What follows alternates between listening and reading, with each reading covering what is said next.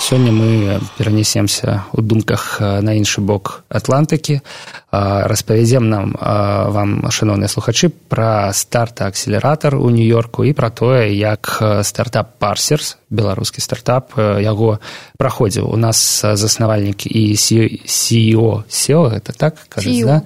CEO праекта Parsers Яўген Гурынович у студыі прывітання Яўген. І як заўжды Юлія Нехай. Привет. Прывітанне Юлія. Яўген быў у нас у студыі з паўгода таму мне здаецца. І ў прынцыпе давайте перад тым як паговорым пра нью-йорк пра прыемнае пра гэта пра ўсё. Я спадзяюся што пра прыемнае да? Паговорым пра тое як змяніўся за гэтыя паўгады стартап парсерс ці па-ранейшаму гэта браўзернае расшырэнне да вымання даных сайтаў іх візуалізацыі які прагрэс яўген Да, э, основная технология у нас осталась, но, безусловно, мы ее очень сильно доработали.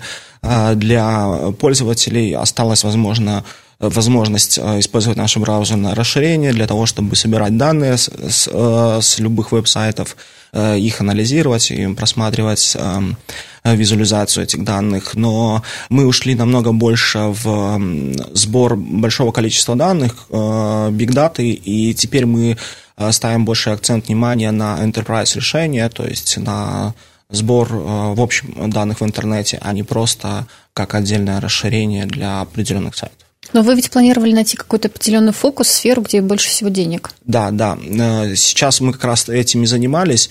Где-то около трех месяцев назад мы закончили то, что хотели сделать с технологией, и, безусловно, нам наши пользователи в этом плане очень сильно помогли, потому что наша технология основана на машинном обучении, и нам нужно очень много данных, э, очень много взаимодействий с сайтом для того, чтобы усовершенствовать нашу технологию. И в сентябре мы закончили э, работать над новой э, нашей версией, и теперь мы готовы обрабатывать намного больше данных. Вот. А, теперь мы уже акцентируем свое внимание на enterprise решении, мы изменили бизнес-модель. Вот. А, скорее всего, в ближайшее время мы будем для пользователей делать, а, наоборот, скорее более бесплатным расширением, уменьшать цену, а работать больше над монетизацией в плане enterprise решения. Это очень что интересно. такое, можно, Юля, Но... Ну. что такое enterprise решение? Нас заўжды крытыкуюць за тое, што вось мы ўжываем шмат тэрмінаў англіцызмаў, да? давайте патлумачым. Да, э, это решение для больших компаний, э, которые э, интегрируются с теми системами, которые есть в компании, и оно основано на не просто разовых каких-то решений, разовых задачах, а на постоянном взаимодействии. Ну, вот Friendly Data это тоже, в общем-то, стартап для enterprise. Я ўсё ж таки крыху не зразумеў што да, да чаго інтэгруецца бок што ёсць у кампаніі для таго каб ёсць патрэбіўся парсерс які гэта бізнес ці абсолютно любы э, як это стыкуецца адно с адным ну, мы до этого выбирали направление но сейчас как раз так э, в старте мы определили тот рынок который нам э, более интересен к которому мы готовы потому что ну действительно как я говорил парсинг используется в многих направлениях но э, с учетом того, что наша технология, она считается э, по нашему взгляду, одной из самых лучших в мире, э, мы э, собираем именно сырые данные и передаем тем компаниям, которые их могут уже лучше обрабатывать, лучше использовать. Вот. У нас конечный продукт являются именно сами данные, которые мы можем очень хорошо собирать. То, то же самое, например, компании вроде Crunchbase, э, PitchBook, Bloomberg, им нужно очень много данных, которые они а, дальше анализируют и уже э, предоставляют своим клиентам. Вот. Они зачастую используют in-house э, разработки, внутренние отделы, которые занимаются сбором данных в интернете. Но это все очень дорого, это долго и немасштабируемо. То есть, если у вас даже появились э, очень много денег, вы не можете очень быстро расширить отдел там за несколько дней э, до большого количества программистов. Может, потребные, в принципе, да, профильные да, специалисты. А можно вот можешь привести пример, как конкретно Crunchbase может использовать ваш продукт? Да, сейчас мы как раз заканчиваем демо, э, возможно, сделаем его даже открытым для простых пользователей, в которых мы устанавливаем наши трекеры угу. на сайты венчурных фондов, И э, таким образом мы каждые э, несколько часов мы будем э, проводить э, апдейт информации, что изменилось на сайте венчурного фонда. Угу. В плане этого, если появляются новые стартапы, если появляются новые в портфолио э, венчурного фонда новые новости, либо изменения в командах самого венчурного фонда, мы об этом будем знать первыми. А, Google даже не успеет это проиндексировать, никто не успеет об этом написать, но мы об этом уже будем знать. И в, том, в этом смысле для Crunchbase э, очень важно получать информацию первым, и очень важно получать ее достоверно и правильно. Угу. Сейчас ошибка в данных Crunchbase, PitchBook и э, других э, агрегаторов данных доходит до 50%. Невероятно. Это один из самых популярных, наверное, сайтов у стартапов и инвесторов. Да, да. Но если вы посмотрите, в действительности то же самое там старта, это то сейчас у них в старте в портфолио больше 100 компаний, угу. а по версии Crunchbase и PitchBook там около 60. Угу. Насамрэч это нейкая мара журналіста ведаць раней за ўсіх да, что да, нешта конечно. змянілася что нешта дадалося рынок маленький получается Шкода. что есть большие компании в которых можно вручную это все дело проверять но выходят новости но какой-то стартап получил инвестиции об этом э, техкранч написал об этом конечно конечно же, все знают. И эта информация очень быстро попадает в агрегаторы данных. А если фонд маленький, небольшой, то э, погрешность очень большая в данных. А такой вот вопрос. А в прошлом эфире а, ты сказал о том, что у меня вопрос про цифры. Вот Паша меня перебил немножко. А, значит, в прошлый раз у вас было 40 миллионов отдельных структур единиц данных. Я даже специально записала, я не могу это повторить. да, и было около 5700 пользователей в неделю. Вот как эти цифры выглядят сейчас? А, сейчас э, где-то 9,5 э, тысяч активных пользователей в неделю и э, больше 100, 100 миллионов единиц данных. А у Гугла сколько, например? У Гугла, если не ошибаюсь, 10 миллиардов где-то так. Угу.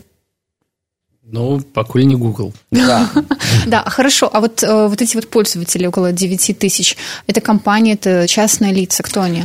А, это было очень интересно, когда мы действительно начали разбираться, э, кто эти люди, потому что я ну, не могу взаимодействовать с каждым человеком, а, но оказалось, что у нас там есть очень крупные компании, которые используют наши решения, даже вот просто как браузерное решение простое и не обращаются к нам за какими-то большими уже количествами данных. Это ну, такие компании, как Adidas, угу. это Бостонский, Массачусетский университеты угу. в, в США. Это хорошие компании очень. Да, и как бы мы сейчас планируем с ними э, связываться и больше общаться, больше угу. вовлекаться в процесс, потому что э, мы не всегда можем понимать, какие к нам компании обращаются и используют. Угу. Распределите Может... сверху я еще хочу один вопрос Добрый. задать. А, ты сказал в предыдущем ответе о том, что вы подумываете о том, чтобы снизить стоимость своих услуг. В то же время в прошлом эфире ты говорил о том, что вы планируете ее повысить. То есть тогда у вас было около 200 долларов. То есть вот да. расскажи про цену. Повысили ли вы ее тогда или вот? Это очень хороший вопрос, потому что нам а, нужно было в любом случае как-то решать вопрос монетизации и в этом вопросе мы э, до сих пор, наверное, э, не могли точно определиться, как нам в этом вопросе действовать. Как раз, когда мы поехали уже в Нью-Йорк, uh-huh. мы поговорили с компаниями, э, которые занимаются, э, которые покупают такие решения, и с инвесторами, как нам лучше поступать. И там мы решили, что текущая модель, она ну, не очень будет хороша для того, чтобы и развивать технологию, и зарабатывать, естественно, деньги. Поэтому мы двигаемся в сторону enterprise решений для больших mm-hmm. компаний, э, и мы будем э, продавать данные, и там, конечно же, вопрос ценообразования стоит очень остро. А для простых пользователей, которые будут э, собирать данные для каких-то своих нужд, либо это небольшие компании, это будет становиться, становиться дешевле. Вы можете уже сказать, сколько ваших клиентов это B2B, допустим, 30% из этих 9 тысяч или как? Эм, это сложно сказать, потому что они работают автономно без нас. То есть а, те, которые э, компании и пользователи с нами общаются, это в основном B2B, но у них есть, появляются такие запросы, которые наше решение не может в стандартном виде решить, решить, и тогда мы их переводим в enterprise решение, там мы делаем какую-то кастомизацию нашего решения и подключаем уже больше, более большие там, объемы данных. Mm-hmm. В основном, да, это маленький и средний бизнес работает с нашим стандартным решением. Но для большого бизнеса нужно что-то больше. Ці правильно я разумею, што э, вось такія звычайныя карыстальнікі, ну умоўна назовем іх дробнымі, яны патрэбныя дзеля таго, каб развіваць тэхналогію і таму для іх да. парсерс будзе каштаваць менш да, да, а фокус будзе на том каб супрацоўнічаць з вялікімі карпорацыямі да. і гэта ўжо зусім іншыя грошы нейкі да, конечно і гэта вы зразумелі падчас акселератора да, старта ў нью-йорку да. да там mm-hmm. очень много что меняется в сознании потому что очень сложно хорошо пообщаться, понять компании, если ты либо просто общаешься по e-mail, либо даже по скайпу, а если ты встречаешься один на один, ты больше инсайтов э, получаешь от этих компаний, что действительно нужно, какая есть проблема, какая есть боль. И э, в этом плане личное взаимодействие, конечно, намного лучше. Можно Какие вообще вот вы нащупали инсайты, именно, которые интересуют компании? Мы для себя а, а, определили несколько областей, в которых а, мы могли бы лучше всего использовать наше решение. Вот. Это три области, это в которых мы изначально планировали работать, когда уже определились с enterprise решениями. Это компании, которые агрегируют данные, э, это компании, которые анализируют продукты, это что-то вроде там Procter Gamble, компании, которые продают, и нужно понимать э, э, прайсы, там, цены конкурентов, э, нужно анализировать отзывы. Это все, что касается продуктового области. И также компании, сейчас не вспомню третью область, а, да, вот, вспомнила, прошу прощения. Это вот маркетплейсы, mm-hmm. которые на которых можно создать сайты э, и, э, и продавать, э, вроде Shopify, Xcart, Jet.com и так дальше. С этим направлением мы тоже работаем, но там немножко другая структура. Ну, вы, получается, с каких компаний общались с представителями? Наверное, не могу так сказать, потому что... Ну, Fortune 500. А? Есть, есть компании, то есть в основном там в Нью-Йорке хватает компаний наверное, любого размаха, но, наверное, инсайт из компании там больше 100 миллионов с оценкой, это более-менее такие полезные, чтобы понять, как mm-hmm. работают большие компании. Mm-hmm. Но это с оценкой от 100 миллионов. Общение с этими компаниями, это было у вас стояло в KPI от старта, или же это партнеры акселератора, которых вот вам вас познакомили? Э, это у старта большой есть нетворкинг, uh-huh. с помощью которого ты ищешь просто компании. Ну, благо в Нью-Йорке практически любые компании можно найти, и хватает связей для того, чтобы выйти на определенных людей. То есть, а, если ты спросишь там, у адвайзера, там, у руководителя проекта, у, менторов, у кого-то точно кто-то там знакомый есть. Ты с ним пообщаешься, он увидит на другого знакомого, и таким образом ты э, выходишь на людей, которые ну, понимают, о чем тебе нужно говорить, потому что компании большие, там э, тысячи людей, и ты не всегда понимаешь, кому нужно конкретно обращаться. И в плане этого э, сложны и сами продажи. Вот. Но первое, что нужно было сделать в старте, это действительно понять, кому продавать, в какие компании, в какие области, и потом уже найти отделы э, людей, э, принимающих решений, чтобы потом можно было эффективно выходить на них уже в других компаниях, понимая структуру компании. Mm-hmm. Цікава. А я ўсё ж таки хацеў задаць даволі тэхнічнае пытанне вось вы сказалі што вы прыкручваеце трекер да сайтаў А як гэта ну вось менавіта з тэхнічнага гледзяча выглядае сайт дае нейкую згоду на тое каб вы яго трекалі ці гэтай згоды не патрабуецца гэта чалавек легальна праграміст гэтага сайта прыкручвае вставляе ваш код у свой. Ці вы можете вось я не ведаю самі так я не ведаю як это сказать внедриться да туды Да, это очень хороший вопрос насчет легальности. Его задавали как здесь, так и в Нью-Йорке. Мы общались и тут с юристами, и в, с юристами из США. А, это все легально, потому что, ну, во-первых, те данные, которые мы собираем, э, это в основном эм, не художественные вещи, что-то вроде там текстов, музыки и так дальше, это в основном факты. Я говорил, что мы собираем информацию о компаниях и передаем дата агрегаторами. Это факты. Когда компания основалась, сколько количество их людей и так дальше, название компании. Они не подлежат копирайтингу в принципе. Вот. Э, сложнее вопросы, э, э, например, работать с сайтами, которые пишут тексты, те же самые журналистские сайты, медиа. Вот. Там уже есть как бы вопросы, но мы эту сферу, я говорил, что мы ее имеем у нас в голове, и она есть, но мы пока что туда не, не сильно заходим. Хотя прецедент, например, около месяца назад Google выиграл эм, дело, по которому э, создали прецедент в США, по которому можно использовать любую информацию для э, обучения машин, для машинного обучения. То есть картинки, тексты можно любые брать с любых источников, обучать искусственный интеллект, и это уже абсолютно легально. Вот. Все, все, что касается остального вопросов, использовать тексты у себя на сайте, там есть вопрос. Мы работаем сейчас только с фактами, поэтому это абсолютно легально. Причем мы работаем только с публичной информацией, мы закрытую информацию не собираем.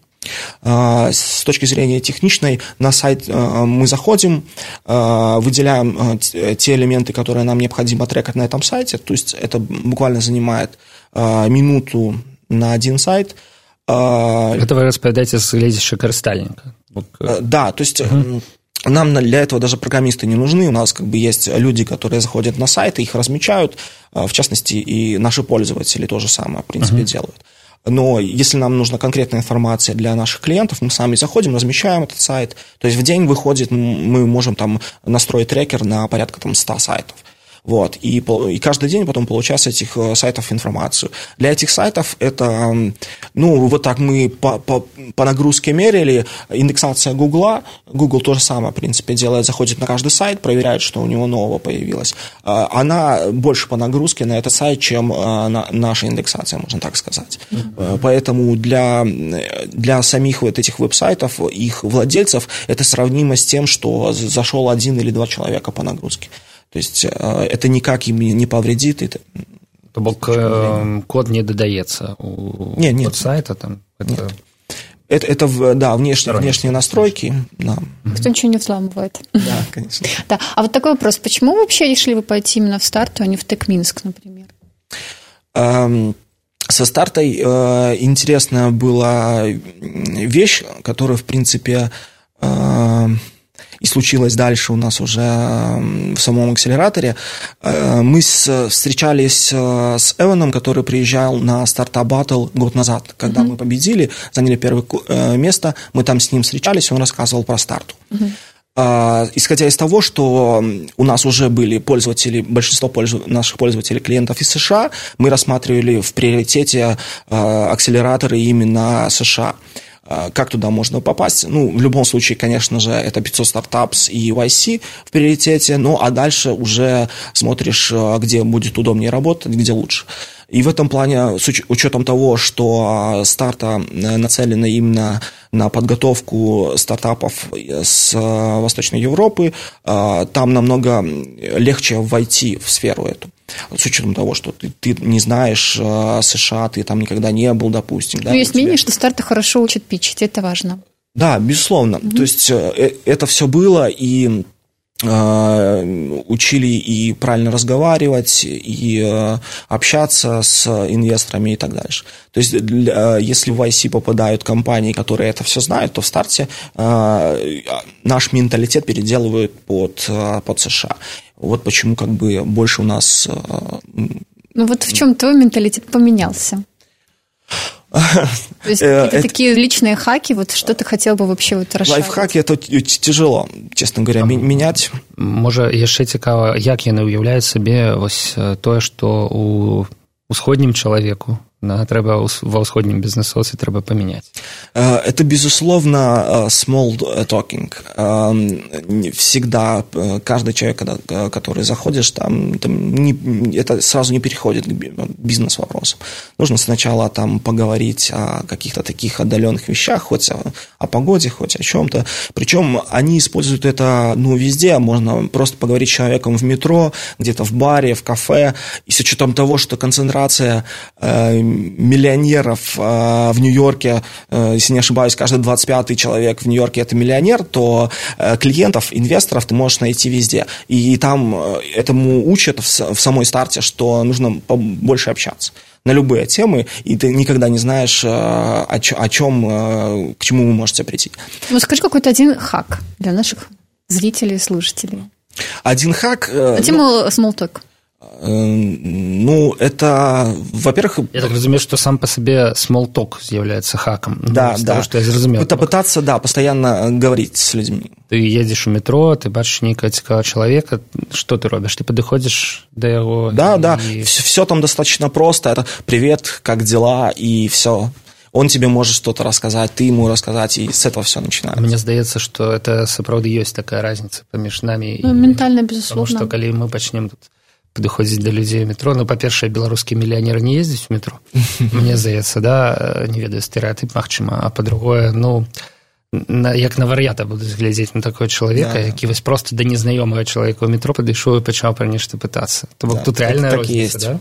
так есть мы это мы обсуждали это даже там. А, ну, у меня всегда много каких-то параллельных мыслей, противоречий и прочее. А, в целом, да, Ну я уже не каких-то частностях я могу я ў прынцыпе яшчэ і падыходзіў да людзей mm потому что я журналіст я ў кожным э, чалавеку бачу патэнцыйны сюжэт але так э... добрышка яшчэ есть пытанне еще так, наверное же... дополню к этому да. вопросу э, там люди в этом плане более общительные и улыбчивые а у нас тоже это выглядит, ну, достаточно дико, когда э, человек просто незнакомый тебе начинает улыбаться, да, и ты не понимаешь, а что не так, это какое-то внимание к тебе, нет? А там нет, это просто такой менталитет, улыбаются, там могут сказать привет, можешь пообщаться всегда и все ж таки давай выпросім які-небудзь хак акрамя смолтока касающую бизнеса, либо... Ну, вообще, что ты вынес с акселерации? Ну, вот Вахака. Вахака, ну... Смолток, других? Да, я могу сказать так точно, что у нас, э, допустим, LinkedIn не используется практически никак. А там э, это самое первое, mm-hmm. что, что ты начинаешь делать, это даже при встрече, это э, сконнектиться в LinkedIn и там продолжить общение. Это самое важное. Э, все то есть надо прокачивать LinkedIn. Очень сильно. То есть угу. первое, что мы приезжали, говорили, то есть 500 друзей в LinkedIn, без этого тут бизнес угу. не сделаешь. Угу. Вас все равно найдут, посмотрят, у вас нету хорошо заполненной страницы, э, у вас должно быть там все логично, опять же, улыбчивая фотография, uh-huh. понятно, вот если тебя нету LinkedIn, у тебя нету бизнеса. Uh-huh. Обязательно страница компании в LinkedIn, чтобы там что-то происходило, все работает через LinkedIn. Вот. Эм, не, особо в Фейсбуке Наверное, только какие-то русскоязычные э, ребята. Там я, я считала, что больше для таких да, relations, что называется, такое, семейные штуки. подзагнался лишь потому, что я абсолютно не ведаю, як я, здаецца, рейгаўся на LinkedIn калісьці давно. Ну, это ты. А я вот стараюсь прокачивать его даже, между я прочим. Я не ведаю просто на вот, як выглядае моя сторонка, якая там фотка, боже мой, что там написано за як апошняе месца працы, там, магчыма, это 10, 10 гадоў таму, да, я, я запаўняў яго апошні раз. Все там, все связи основаны на вот этом. Ну, ты же не стартап делаешь. Не стартап, да. Там да. Э, первый там круг, второй круг и, и все. И опять же, когда ты обращаешься к человеку, все на это смотрят. Если у тебя есть э, в первом, там, э, во втором круге связи в этой компании, там тебя выслушают. Если смотрят, у вас нет общих знакомых, то на тебя, скорее всего, не будут обращать внимание и как-то реагировать. А, то же самое, допустим, а, что мне до этого было непонятно, это продажи, допустим, через LinkedIn, а, редко работают по первому контакту. Угу. Намного чаще работает контакт третий, четвертый. Причем это выглядит очень забавно. Э, они потом уже после, после того, как ты напишешь там третий, четвертый раз, э, отвечают что-то типа «А, извини, что не, не отвечал до этого», mm. и, и начинают очень мило с тобой разговаривать. Ну, хотя первые контакты они открывают, смотрят, но это как идет как спам. А если ты действительно хочешь с ним пообщаться, то ты ему пишешь, пишешь на, на протяжении нескольких недель, тогда он уже начинает с тобой общаться. Mm, прикольно. Там постоянно говорят э, насчет того, чтобы позвонить, пообщаться, а лучше всего встретиться. Угу.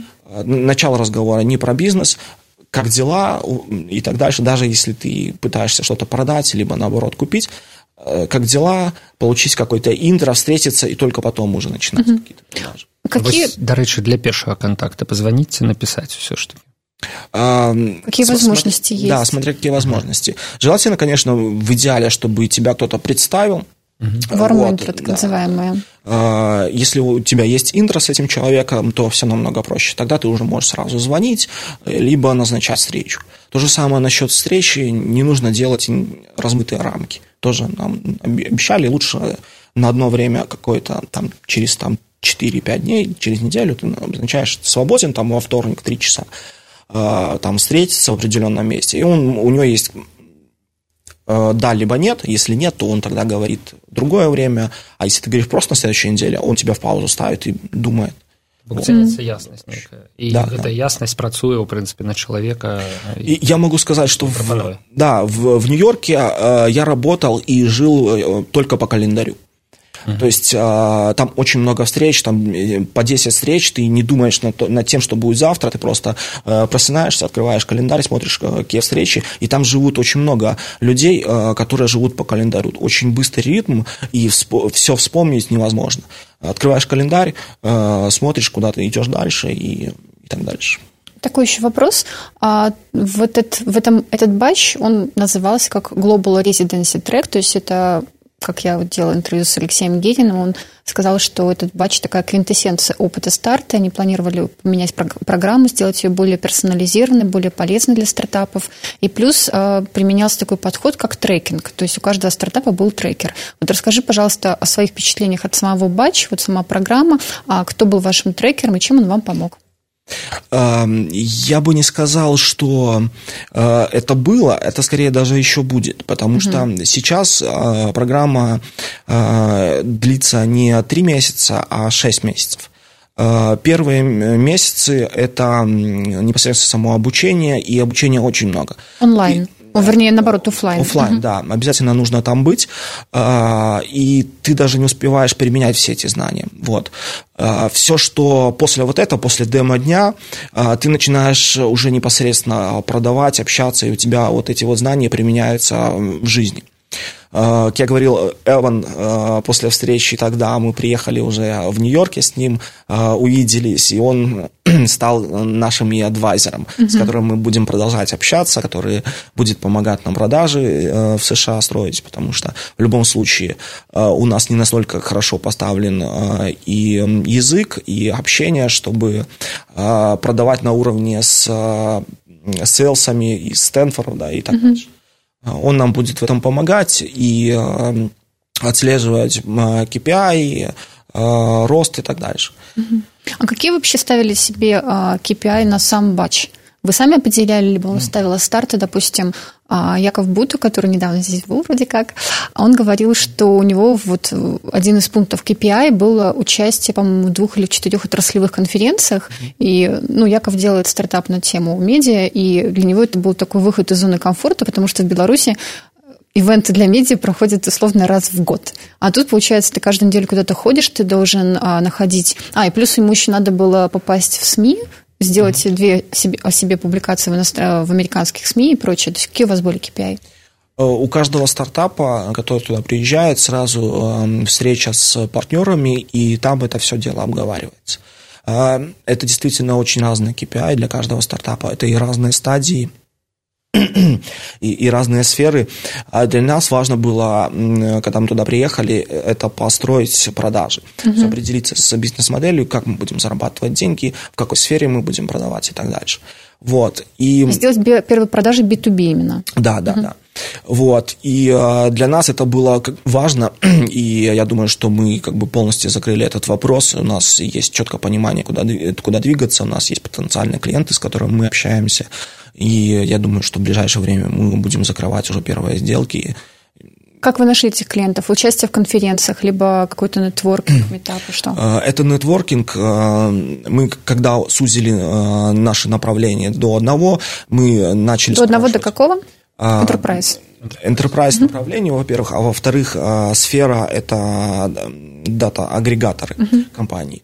Вот, мы начинали, составили список этих компаний, которые, в принципе, есть в мире, самые там большие, и э, у которых э, компаний, у которых офис в Нью-Йорке, и начали искать контакты, э, которые могут нам дать интро, какую-то встречу с ними.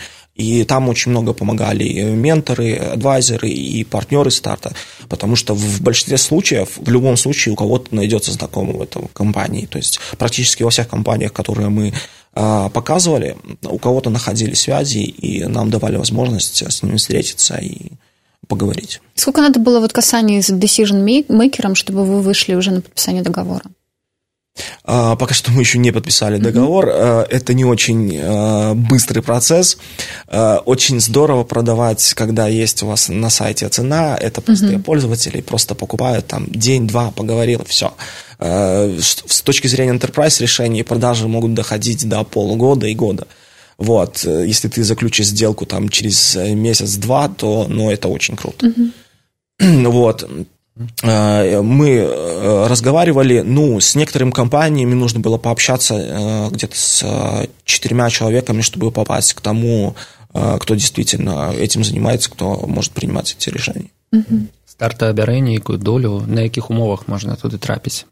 А, это конвертируемый займ, то mm-hmm. есть а, реально доля будет определена уже в раунде, который описан в договоре, в принципе, там все прописано, а, тогда они уже получат долю в компании. Как ты вообще оцениваешь договор старта? Я вот слышала от некоторых стартапов, что он не очень friendly. Несмотря на то, что там много чего прописывается, Э, с точки зрения юридической, но то, что мы общались, mm-hmm. ну, как бы они не против много чего. Они всегда идут э, э, вместе с стартапом, какие-то, если возникают вопросы, они, ну, я не встречал такого, чтобы они были против, даже если это в договоре прописано. Хорошо, мы, значит, развеяли такой небольшой миф. Да, я тоже этого боялся, и вопросы э, про штрафы, э, конечно же, они работают в юрисдикции США, и лучше там все прописывать. Но на самом деле, естественно, они за то, чтобы развивался стартап, потому угу. что они уже в любом случае с нами. Вот, поэтому во всех этих вопросах э, они помогают и э, за, за проект. Как обстоит дело с инвестициями? Вы планируете их привлекать и от кого? Эм, да, сейчас мы э, после старта подняли оценку и... Э, Сколько у вас сейчас оценка? Сейчас можно сказать, что мы начинаем оценивать компанию в 4 миллиона, угу. и где-то в апреле мы планируем закрывать раунд.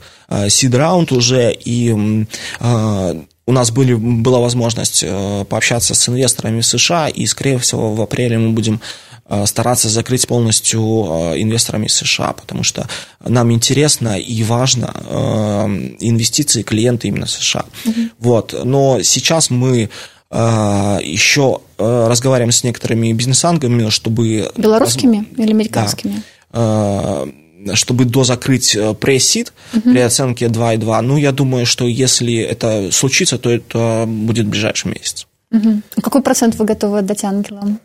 А, все тот же 5%. Угу. А, очень интересно было, когда, в принципе, старта нам дала такую же оценку, которую я и сам как бы предполагал по, а, по оценке компании. Ну, старта, в принципе, берет стартапы, которые оцениваются на уровне 2 миллионов. Ниже они не берут. Круто. Я хочу сказать, что нам час завершать эфир. Мне здаецца што размова была абсалютна змястоўнай па-першае мы даведаліся як справы у праекта парсерс па-другое Дзякуй Яўгену Грыновічу CEO парсер за тое, што распавёў вельмі падрабязна ў дэталях, чаму вучаць у старт-акселератар у нью-йорку пра умовы, на якіх можна трапіць у гэты стартап. Ну і ўвогуле пра тое, што там чакаюць стартапы з усходняй Еўропы. Мне здаецца, што это вельмі важна і перарабляюць усходніх бізнесоўцаў на заходніх. Яшчэ раз дзякуй Яўген да свячэння. Юля Нехай, як заўжды была ў стартапніцы сувядучай дзякуй Юля Дякую. Павел свердлоў працаваў пры мікрафоне пачуемся на еўрарадыо